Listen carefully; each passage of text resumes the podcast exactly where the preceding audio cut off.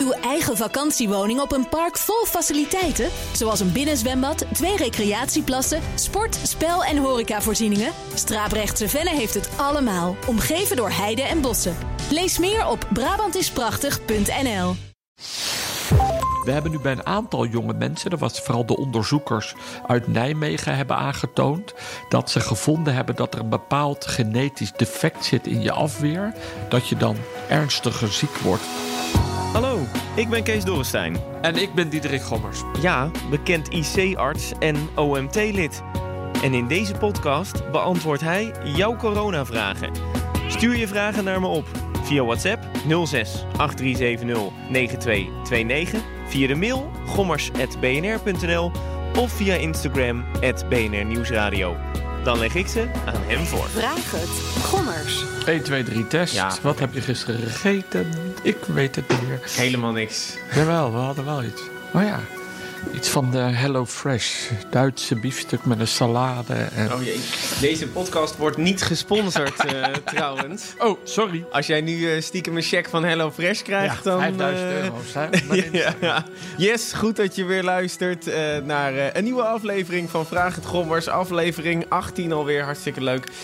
Met onder andere ehm, vragen over wat mag je nou weer doen als oudere op het moment dat je gevaccineerd bent. Ja, een, een interessant onderzoek wat betreft coronapatiënten op de intensive care. En heeft het vaccineren van andere vaccins nog effect? Bijvoorbeeld als je vroeger gewoon de DTP-prikken hebt gehad, word je dan nu misschien minder ziek? Allemaal van dat soort vragen. Allereerst, Diederik, gaat het goed? Ja. Ja. Ja, je hebt je sponsorcontract weer binnengehengeld. ja. Nee hoor, nee, absoluut. Nee, maar ehm, nou, het is wel een... We zien wel de afgelopen week dat we ehm, weer wat meer toename zien in nieuwe patiënten op de intensive care. Dus in mijn ochtendoverleg met de regio's in het land eh, merken we al de laatste dagen dat het steeds moeilijker is om elkaar te helpen. Qua bedden dan? of- Ja, wat- wat IC-plekken betreft. En ja, dus ja, is dit het beginnetje dan? Eh, Nee, je kijkt ook een beetje gefronst. ja, nee, dat merkte je ook. Want wij hebben het dan echt weer over bedden. Terwijl dat afgelopen weken was het best wel makkelijk om elkaar te helpen. Dan had je af en toe een provincie die overliep. Maar dan was er nog voldoende ruimte beschikbaar in de andere regio's. Eh, en nu van de week zagen we voor het eerst ehm, nou, dat dat moeizamer gaat. En dat iedereen eigenlijk wel een bed nodig had. En dat zagen we ook, omdat we ook wel voor het eerst de 50 weer aandekken. We hadden 50 nieuwe IC-patiënten op een dag. Nou, dat is lang geleden dat we dat gehad hebben. Meestal zitten we zo tussen de 20 en de 30. En vorige week zaten we dan net iets boven de 30, tussen de 30 en de 40. Maar ja, deze week tikten we echt de 50 aan. Dan gingen we er zelfs soms eh, even overheen. Dus dit kan het begin zijn echt van de derde golf die voorspeld is. Ja, zou zomaar kunnen. Ja, of kan het nog te maken hebben met het koude weer van twee weken geleden? Ja, dat is natuurlijk altijd moeilijk. Want we hebben natuurlijk ook iets versoepeld, hè, denk ik. Twee weken geleden, volgens mij, hebben we die basisscholen open gedaan. Dus er zijn allerlei factoren. Maar we hebben ook het weer gehad. eh, hè, we hebben ook geschaatst, dicht op elkaar. Eh, we hebben mooi weer gehad. Dus ja, ik weet het niet. Maar ik, we stellen het vast. Dus we hebben, dat merken we dan ook wel weer. Want, ehm, nou ja, dan heb je weer meer contact binnen de vereniging. En meer met de collega's. En zijn we goed voorbereid. Voordat we beginnen met de vragen wat betreft die zijn binnengekomen voor jou, nog even een bericht van Lineke. Zij zegt dat zij behoort tot de kwetsbare groep chronisch zieke thuiswonenden. Ze is 68 en alleenstaand. Ze zit al de hele tijd thuis, zegt ze. En ze zegt, wat mij betreft mag er wel weer wat meer aandacht voor deze groep komen. Dus bij deze, Lineke, we hebben even daar aandacht aan gegeven. Je had geen vraag, maar ik vond deze melding wel mooi, van omdat je dan de hele tijd alleen thuis zit. Ken je iemand in je omgeving die eh, dit heeft? Nou, bel even of eh, stuur even een berichtje. Want ze zijn eenzaam, zegt Lineke in ieder geval. Dan de eerste vraag van Jos. Hij zegt, eh, zou de vaccinatiegeschiedenis enige invloed kunnen hebben...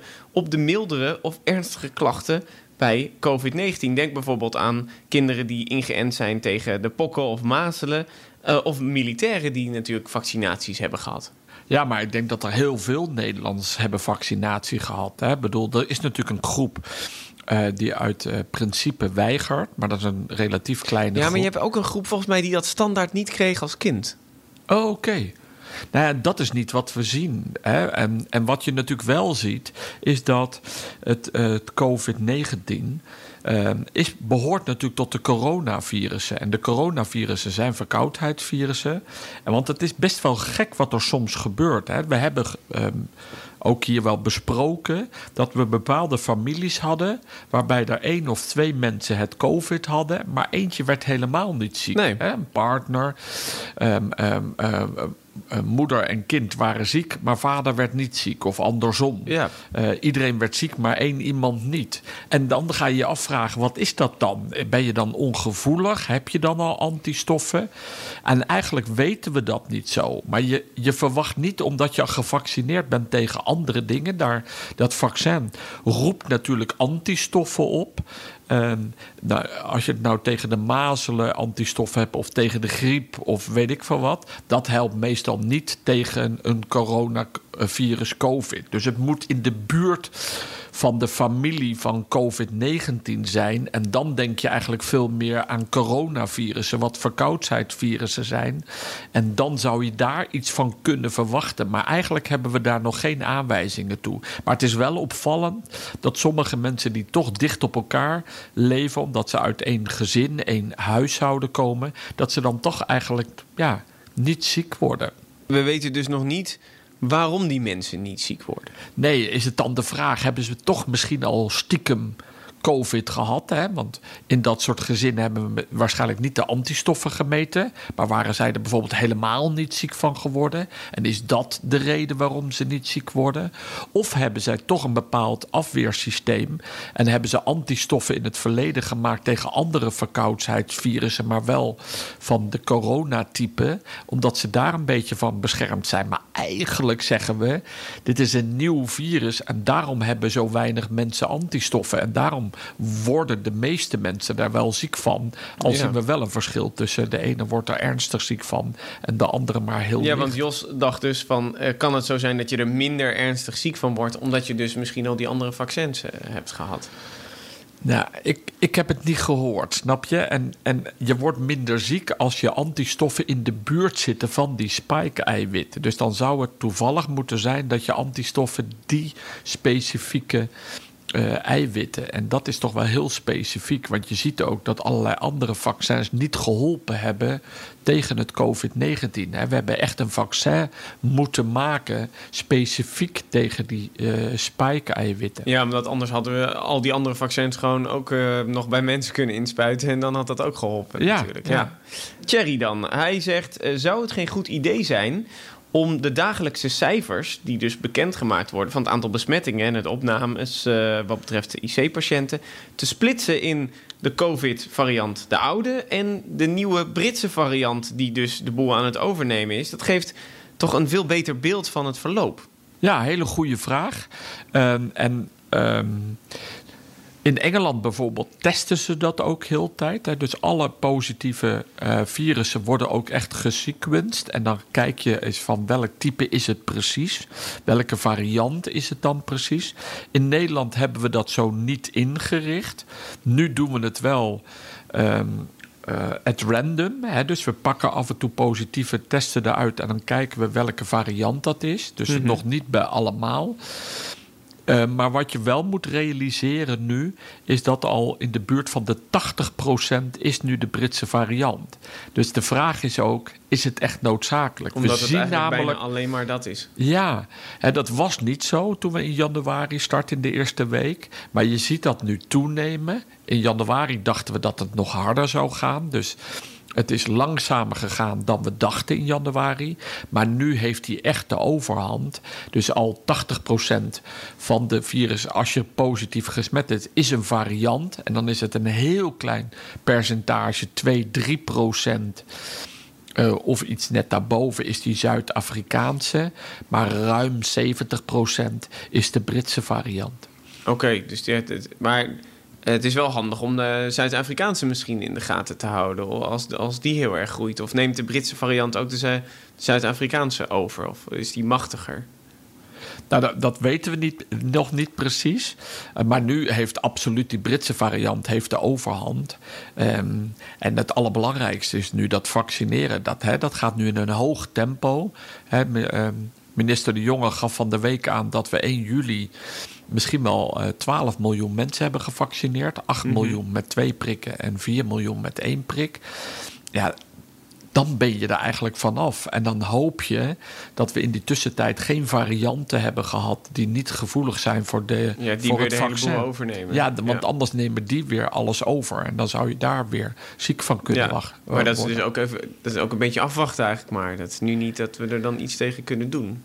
Nee, kijk, als, als dat weer de overhand zou nemen, um, ja, dan kan je daarop testen. Um, want ze kunnen natuurlijk wel. Er zijn een aantal, Rotterdam, maar er zijn nog meer laboratoria die echt goed kunnen verschil maken welke variant speelt aparte. Mm -hmm. um, en, en dat zou je dan weer kunnen testen. Maar dat doe je dan eigenlijk weer bij een toename van besmettingen. Op het moment terwijl je eigenlijk denkt van het aantal besmettingen moet omlaag gaan. Want nu zijn er zoveel mensen uh, gevaccineerd.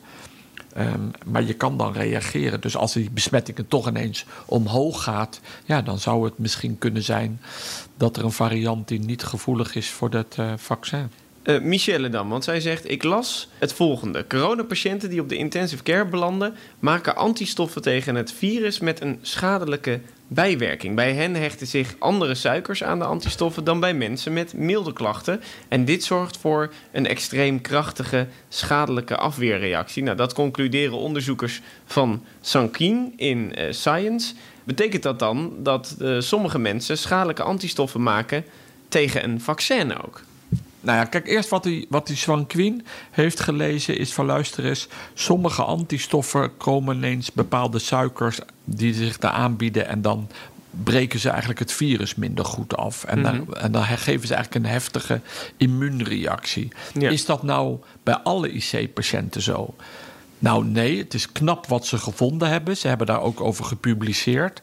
Ik denk dat het belangrijk is dat we daar verder naar kijken. Hoe vaak gebeurt dat dan bij de IC-patiënt? Maar we zien verschillende dingen gebeuren op de intensive care. En alle patiënten zijn helaas, zou ik bijna zeggen, niet hetzelfde. Of reageren niet hetzelfde. Mm-hmm. Want sommige mensen, die zijn zoals ook niet-IC-patiënten, die zijn het virus gewoon na twee weken of drie weken kwijt. He, wij meten in het bloed van de patiënten. Um, maar ook um, uh, de wattenstaafjes, die ook op, bij die uh, IC-patiënten kunnen we zien hoe, of ze het virus kwijtraken met de PCR-test. Mm-hmm. En dan zijn ze bijvoorbeeld het. Eigenlijk tonen we geen virus meer aan. Dan noemen we ze eigenlijk. Ze kwamen met COVID, maar ze hebben geen COVID meer. Mm-hmm. Dus dan hoeven we ze ook niet meer in isolatie te verplegen. Maar zijn ze nog steeds heel erg ziek. En dan ben je eigenlijk niet meer ziek van het virus, want het virus is eigenlijk je lichaam uit. Maar het virus heeft eigenlijk zoveel schade gemaakt in je lichaam. En zijn we eigenlijk die schade aan het behandelen. Ja. En dat kan zijn aan je longen, dat kan zijn aan je bloedvaten, aan je nieren. Um, en dat kennen we. Um, en, en nou ja, sommige mensen moeten dan ook heel erg herstellen van die longen die zo aangedaan zijn. Mm-hmm. Of dat ze heel veel spierverlies hebben en dat ze lang moeten revalideren. Maar dan ben je het virus eigenlijk al kwijt. Ja. We hebben nu bij een aantal jonge mensen, dat was vooral de onderzoekers uit Nijmegen hebben aangetoond. Dat ze gevonden hebben dat er een bepaald genetisch defect zit in je afweer. Heel specifiek, hè, want je afweer is heel complex. En, en daar is bij een aantal jonge mensen gevonden dat die dat gen missen en net dat stukje van de afweer. Specifiek bij jonge mensen dan? Ja, ja. nou ja, dat waren eigenlijk relatief jonge mensen. En we hebben dat bloed en, en de cellen opgestuurd naar Nijmegen. We hebben hier ook in Rotterdam twee van die patiënten gehad. Ja, en dat hebben ze onderzocht.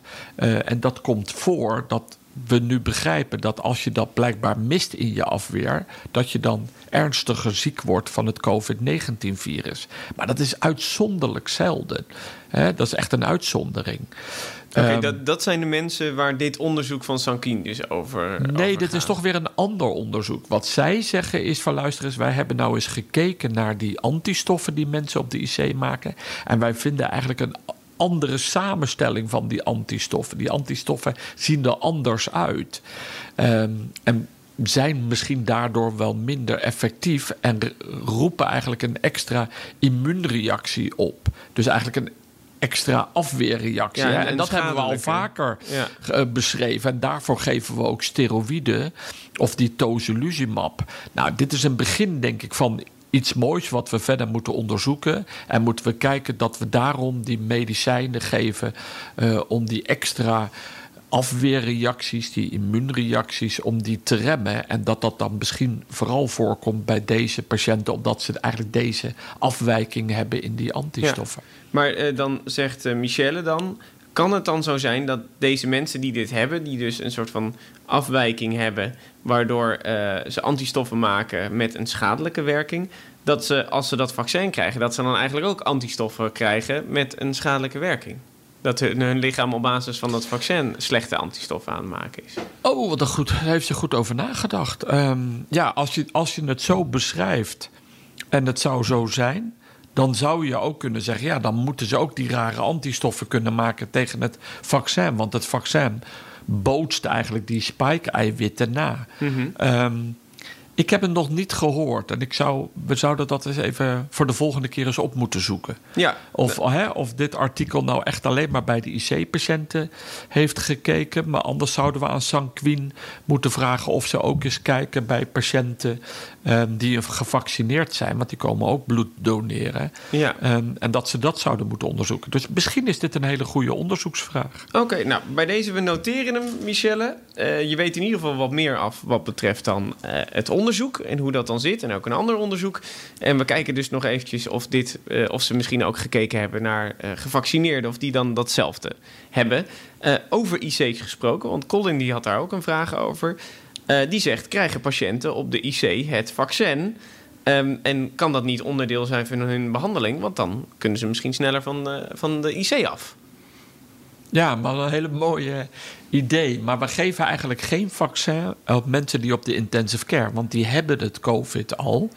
Die zijn daar heel erg ziek van. En op dat moment, zeg maar, vaccin geven, dat doe je ook niet. Hè? Want we hebben ook gezegd dat als je koorts hebt of je hebt recent COVID eh, gehad, eh, dan moet je even vier weken wachten voordat je weer opnieuw gaat vaccineren.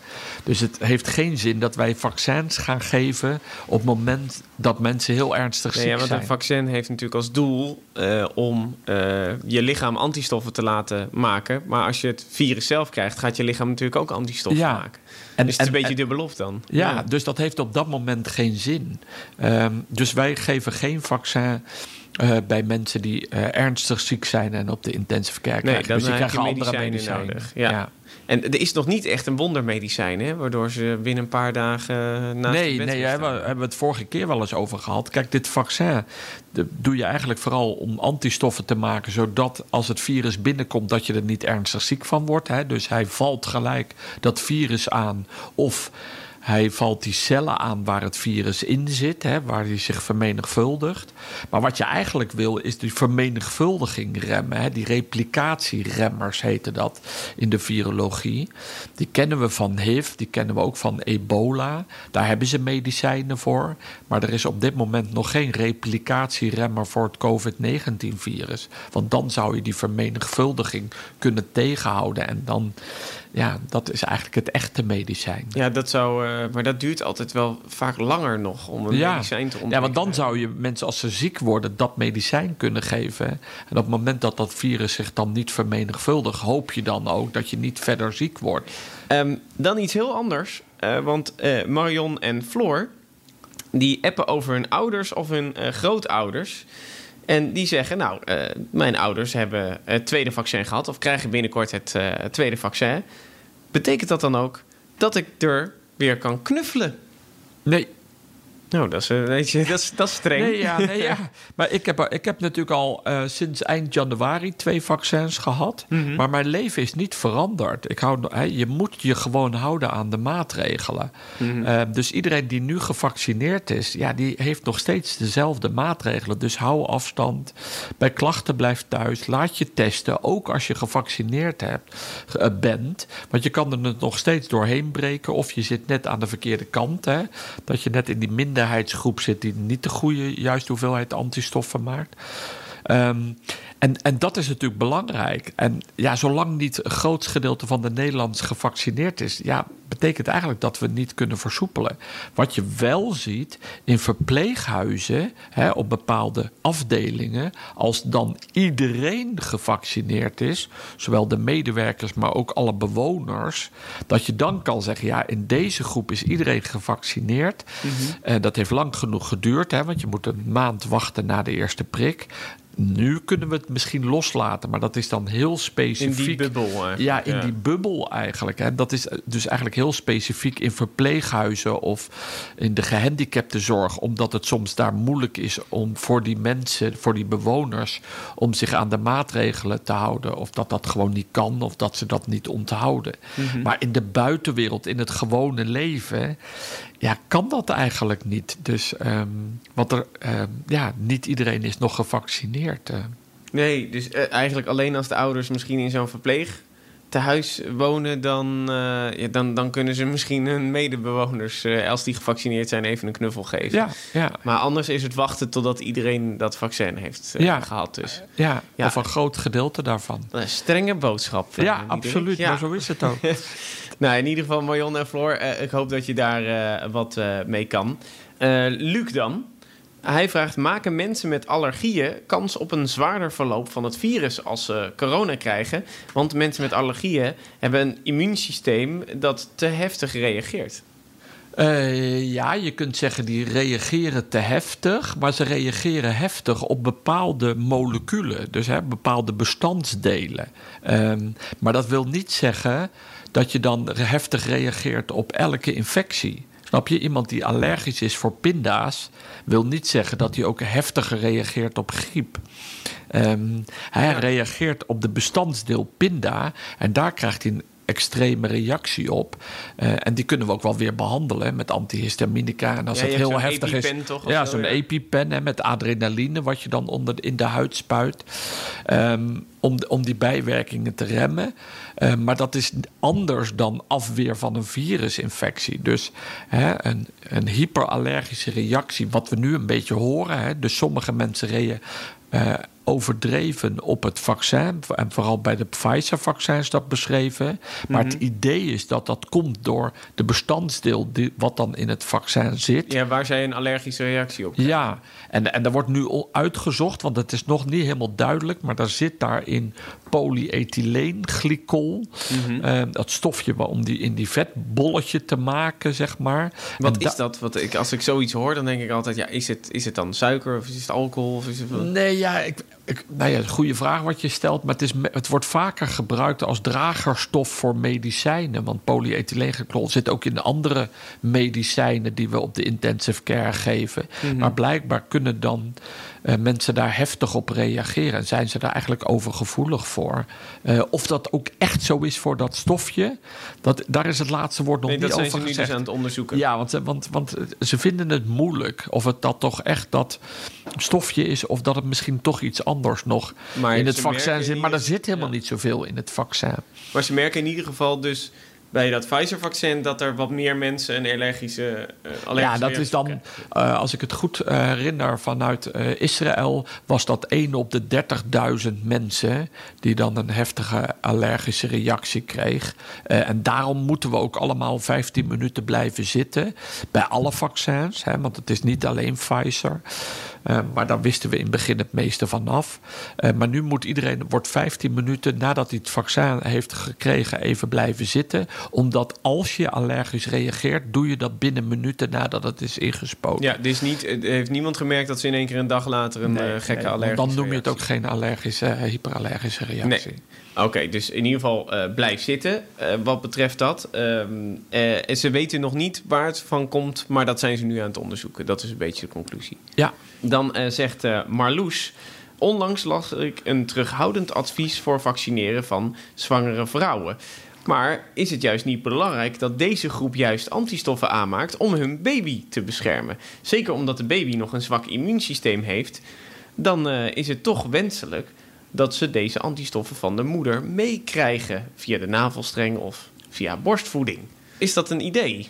kijk, over zwangeren zijn we altijd gewoon heel voorzichtig. Omdat we in het verleden hebben we natuurlijk medicijnen gehad, eh, zoals de Softenon, wat uiteindelijk eh, hele eh, ernstige effecten had op het eh, ongeboren kind toen nog. Maar uiteindelijk zijn mensen afge met die ledematen ernstige verminkingen aan de ledematen toe geboren. Dus we zijn met nieuwe medicijnen altijd heel voorzichtig. Wat zijn de effecten op het ongeboren kind dan nog? En ook op die zwangerschappen maken we ons goed zorgen. Daarvoor moet ook bij een vaccin moet je he- voldoen aan hele strenge testen. Er worden er exp- eh, eh, studies gedaan in eh, zwangere beesten, vooral twee soorten, om te kijken wat gebeurt er, wat gebeurt er met de zwangerschap, wat gebeurt er rond die bevallingen en heeft het negatieve Die worden invloed dus niet op die getest op mensen dus. Nee, eerst testen ze dat heel goed op dieren. Omdat je moet weten of je afwijkingen ziet. Daarna gaan ze ook de test doen op zwangeren. Maar in de eerste testen van het vaccin zijn zwangeren uitgesloten. En dat wordt nu gedaan. En daarom, op het moment dat het vaccin vrijgegeven is door de EMA, waren, waren de, zaten de zwangeren niet in die groep. Maar er is helemaal geen aanwijzingen dat zwangeren negatieve effecten hebben eh, van het vaccin. Dus toen we in het begin in januari eh, het vaccin beschikbaar kregen, toen is er gezegd. Toen heeft de Nederlandse Vereniging van Obstetrie en Gynaecologie gezegd: Oké, we zijn nog wat voorzichtig om alle zwangeren het vaccin te laten nemen. Maar toen hebben ze gezegd: Maar we willen toch een uitzondering maken dat mensen met ernstige ziekte. Die, eh, waar het belangrijk is dat ze geen COVID krijgen, dat ze het toch moeten nemen op dat moment. En mensen die in de gezondheidszorg werkten en veel contact hadden met COVID. En nu, een maand later, ehm, is er, loopt die studie. Zijn er, hè, zijn er geen aanwijzingen dat het slecht is voor de, voor de, voor de zwangeren? En, en wordt dat beleid binnenkort eh, bijgesteld? Dus dat ook zwangeren ehm, straks het vaccin kunnen nemen. Maar voor, zover ik weet, maar dan moet je even voor het laatste nieuws op de RIVM-site kijken. Ehm, is het nog niet eh, vrijgegeven. Maar er is absoluut geen aanwijzingen dat het slecht is voor zwangeren. Maar officieel wordt het nog niet geadviseerd aan alle zwangeren. En, en wat mevrouw schrijft. Hè, is het beter om die vrucht te Ja, beschermen? dan krijgen we een soort superbabies. Ja, nee, kijk, natuurlijk, ehm, wat aan de andere kant weer zo is, is dat we natuurlijk wel eh, gezien. Kijk, het is natuurlijk goed om, nou ja, als je. Als het werkt, hè, dat, dat, dat, het gaat vooral om die moeder. Want die moeder moet goede voedingsstoffen en zuurstof geven aan die vruchten. En als je COVID krijgt en je hebt al een dikke buik, gaat je middenrif omhoog. En dan Ehm, is die zuurstofvoorziening voor, de, voor het kind komt dan misschien in de problemen. Daar maak je je zorgen om. En dat is ook terecht, daarom moet je ook echt oppassen. Maar ehm, kinderen zijn eigenlijk weer niet gevoelig voor COVID-19. Eh, we zien niet ehm, eh, baby's of eh, kleine kinderen in de ziekenhuizen liggen met COVID-19. Dus om het kind te beschermen voor COVID-19, daar hebben we niet zoveel aanwijzingen of dat belangrijk is. Het is Nee. meer eigenlijk belangrijk dat die moeder niet ziek wordt. En dat hè, als er haar longen in de problemen komen, dat ze dan te weinig zuurstof hebt. En uiteindelijk dat er te weinig zuurstof gaat naar het kind. Daar maak je je wel zorgen om. Oké, ah, vandaar. Dus, ehm, dus daarom, eh, alleen op het moment dat je eh, zwanger bent en je hebt misschien nog extra klachten, dan is het wel vaccineren, maar anders eh, gewoon even niet. Nee, maar dat kan zomaar dat dat binnen de komende dagen verandert. Of dat het beleid op de RIVM net is aangepast. Eh, want dat zit er aan te komen. Ja, op basis van dat onderzoek dan. Ja, want Pfizer doet nu een onderzoek en de andere firma's neem ik ook aan, doen nu een onderzoek bij zwangeren eh, met het vaccin. En uit die studie van Pfizer, hè, met die 21.500 mensen die het vaccin gekregen hebben, daar bleken achteraf 12 mensen zwanger te zijn. Dat wisten ze niet toen ze meededen aan de studie, maar dat bleek achteraf. En daar waren geen bijwerkingen of eh, negatieve dingen eh, Oké, dat weten we dus al wel. Ja. Dat is wel handig om te weten. Ehm, dan eh, zegt Siska nog tot slot: wordt er eigenlijk al hard of harder gewerkt aan het opleiden van nieuw IC-personeel? Ja, we hadden of hebben eigenlijk altijd al tekort aan IC-verpleegkundigen. Dus de opleiding is echt een belangrijk ehm, aandachtspunt. Dus we leiden nu veel mensen op. En ook omdat we nu opgeschaald zijn en opleiden kost ook tijd. Want dan moeten de verpleegkundigen de jonge collega's begeleiden. En dan moeten examens worden afgenomen.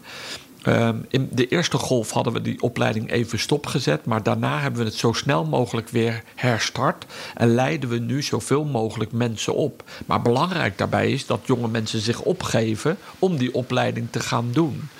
Wat wel belangrijk is, je kunt die opleiding pas doen als je verpleegkundige bent. En dan duurt die opleiding nog 18 maanden. Mhm. Dus we hebben tot nu toe tussen de eerste golf en nu is nog geen 18 maanden voorbij. Dus we hebben nog niet sinds de COVID extra mensen gekregen. Anders dan er al mensen waren begonnen aan de opleiding. Dus ja, eh, ja iedereen die maar nadenkt van ik zou misschien dat wil willen doen. Je bent van harte welkom. Uh, we doen ons best. Ehm, maar we kunnen nog heel veel mensen, IC-verpleegkundigen, gebruiken in het ja. land. Nou, je, je hebt veel volgers op Instagram met veel jonge mensen. Roep je die dan ook op van word, word IC-verpleegkundige? Ja, nee, dat is een goeie. Dat heb ik nog niet gedaan, maar dat ga ik, uh, moet ik maar eens gaan doen. Ja, nou ja, mocht je het voorbij zien komen op de Instagram van Diederik... dan weet je dat het door deze podcast ja, komt. Dat ik hem ertoe gedwongen heb. Nee, ik uh, verplicht je niks uh, wat dat betreft. Heb je zelf een vraag voor Diederik? Dan kan je die natuurlijk altijd naar ons sturen. gommers.bnr.nl of eventjes appen 06 8370 9229. En vergeet vooral niet te abonneren op deze podcast. Want dan krijg je dus een melding en dan zie je of je vraag voorbij komt. Want we krijgen heel veel vragen. Ik zet het allemaal op het lijstje. En als je geabonneerd bent, ja, dan ben je spekkoper. Dan heb je het gewoon gehoord. Tot volgende week. Ja, tot volgende week.